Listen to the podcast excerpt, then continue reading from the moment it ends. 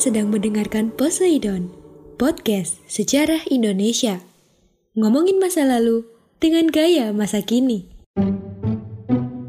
Hai, halo para pecinta kajian sejarah dan selamat datang kembali di Poseidon, podcast sejarah Indonesia bersama saya podcaster kesayangan Anda semua Saifuddin Alif atau bisa dipanggil Kakak Al. Di podcast kali ini kita akan melanjutkan obrolan kita sebelumnya tentang peran Indonesia dalam perdamaian dunia. Dan kali ini kita akan membahas tentang gerakan non-blok ASEAN dan OKI. Yuk kita mulai. Gerakan Non-Blok adalah suatu organisasi internasional yang beranggotakan lebih dari 100 negara-negara yang menganggap dirinya tidak beraliansi dengan kekuatan besar mana pun. Tujuan dari organisasi ini, seperti yang tercantum dalam Deklarasi Havana tahun 1979 adalah untuk menjamin kemerdekaan, kedaulatan, integritas teritorial, dan keamanan negara-negara non-blok dalam perjuangan mereka menentang imperialisme, kolonialisme, neokolonialisme, apartheid, rasisme, dan segala bentuk agresi militer, pendudukan, dominasi, interferensi atau hegemoni dan menentang segala bentuk blok politik. Gerakan ini merepresentasikan 55% penduduk dunia dan hampir 2 per 3 keanggotaan dari PBB.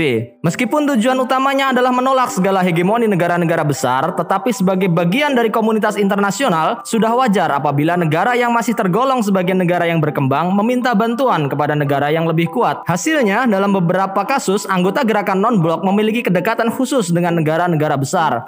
Misalnya, Kuba yang mempunyai hubungan yang dekat dengan Uni Soviet pada masa Perang Dingin, atau India yang bersekutu dengan Uni Soviet untuk melawan Cina selama beberapa tahun. Bahkan ada kasus yang lebih buruk lagi, yaitu adanya konflik antar anggota non-blok, seperti kasus India dengan Pakistan dan Iran dengan Irak. Sebelum kita membahas lebih lanjut tentang gerakan ini, yuk kita flashback sejenak untuk melihat sejarah terbentuknya gerakan ini.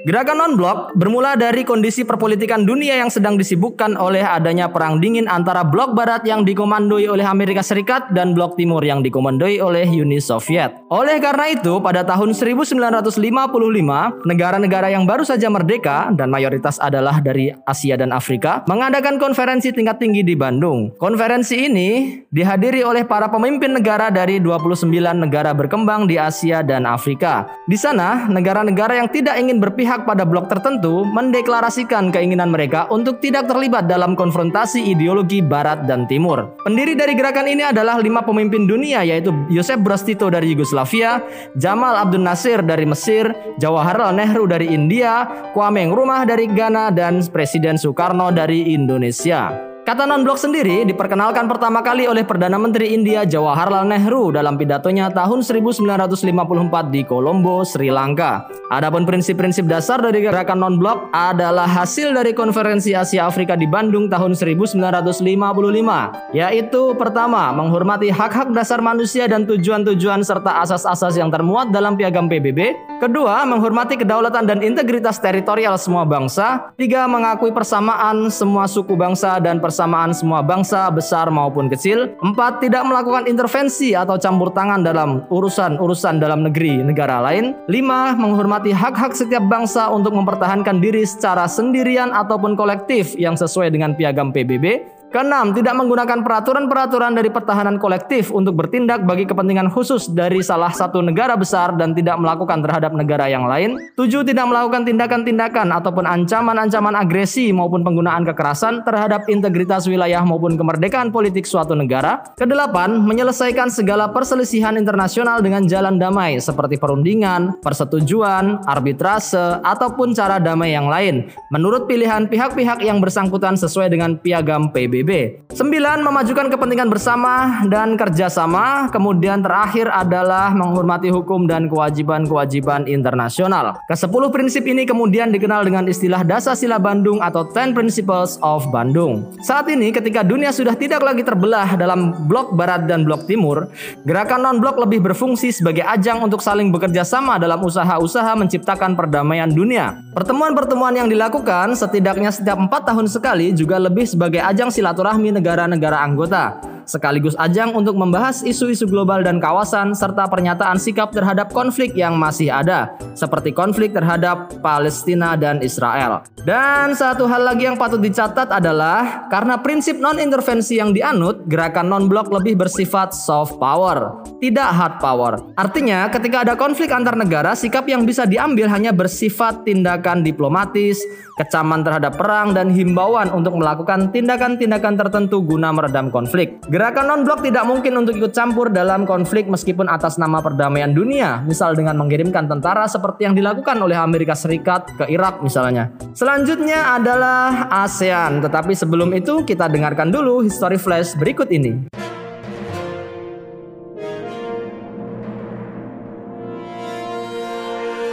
Hai teman-teman, saatnya kita masuk di segmen History Flash. Tahukah teman-teman, sebagian suku Inuit di Kutub Utara justru menggunakan lemari es untuk mencegah makanan mereka beku karena iklim di lingkungan mereka lebih dingin dari lemari es yang paling dingin. Pernah salah nulis teman-teman? Dan butuh penghapus.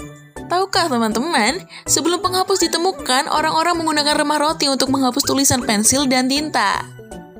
Demikian History Flash, kita ketemu di episode berikutnya. Jangan lupa untuk selalu mematuhi protokol kesehatan, memakai masker, mencuci tangan, dan menjaga jarak ketika harus beraktivitas. Saya Barbara pamit.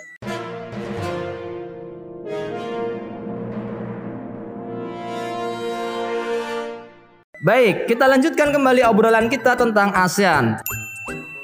ASEAN atau Association of Southeast Asian Nation merupakan sebuah organisasi geopolitik dan ekonomi dari negara-negara di kawasan Asia Tenggara yang didirikan di Bangkok 8 Agustus 1967 berdasarkan deklarasi perbara oleh Indonesia, Malaysia, Filipina, Singapura, dan Thailand. Organisasi ini bertujuan untuk meningkatkan pertumbuhan ekonomi, kemajuan sosial, dan pengembangan kebudayaan negara-negara anggota, memajukan perdamaian dan stabilitas di tingkat regional, serta meningkatkan kesempatan untuk membahas perbedaan di antara negara-negara anggota secara damai. Anggota resmi dari ASEAN ada 10 yaitu Indonesia, Malaysia, Singapura, Filipina, Thailand, Myanmar, Kamboja, Vietnam, Brunei Darussalam, dan Laos.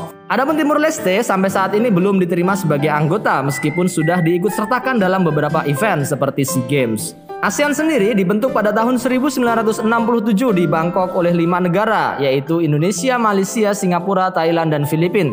Pertemuan di Bangkok menghasilkan deklarasi Bangkok yang terdiri dari lima poin, yaitu satu mempercepat pertumbuhan ekonomi, kemajuan sosial, dan perkembangan kebudayaan di kawasan Asia Tenggara. Kedua, meningkatkan perdamaian dan stabilitas regional. Ketiga, meningkatkan kerjasama dan saling membantu untuk kepentingan bersama dalam bidang ekonomi, sosial, teknik, ilmu pengetahuan, dan administrasi. Keempat, memelihara kerjasama yang erat di tengah-tengah organisasi regional dan internasional yang ada dan kelima meningkatkan kerjasama untuk memajukan pendidikan, latihan dan penelitian di kawasan Asia Tenggara. Dan terakhir yang akan kita bahas di sini adalah OKI atau Organisasi Konferensi Islam.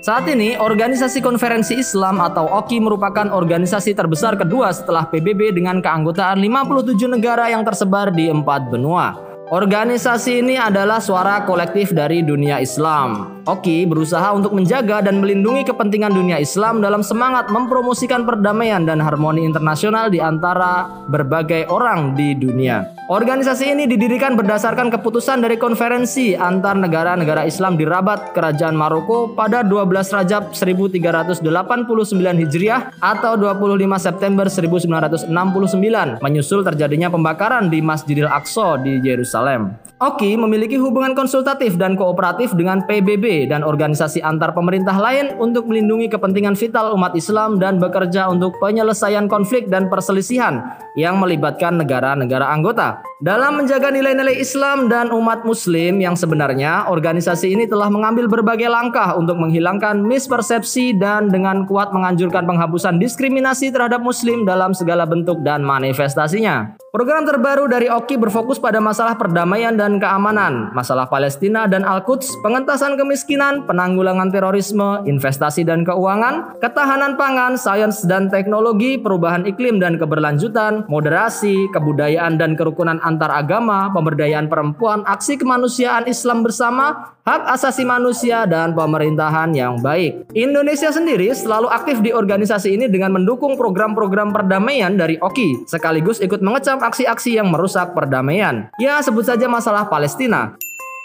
Sejak Indonesia merdeka sampai saat ini, Indonesia tegas membela kedaulatan Palestina dan tidak membuka hubungan diplomatik dengan Israel karena sikap imperialisnya terhadap Palestina. Dan sebelum kita tutup, mungkin ada yang bertanya, sebetulnya apa aksi nyata atau aksi konkret dari organisasi-organisasi perdamaian ini? Jawabannya sebetulnya tidak ada.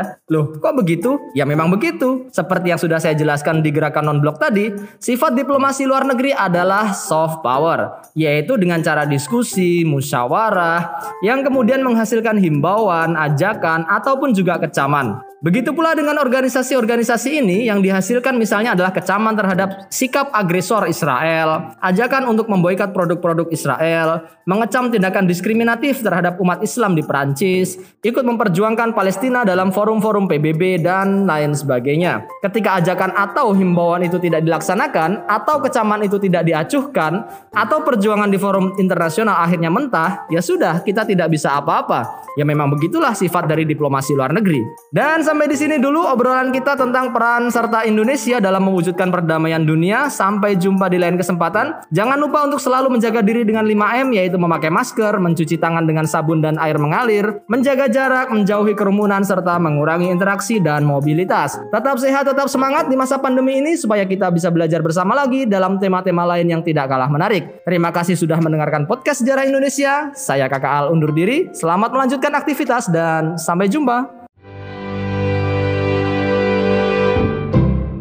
Terima kasih.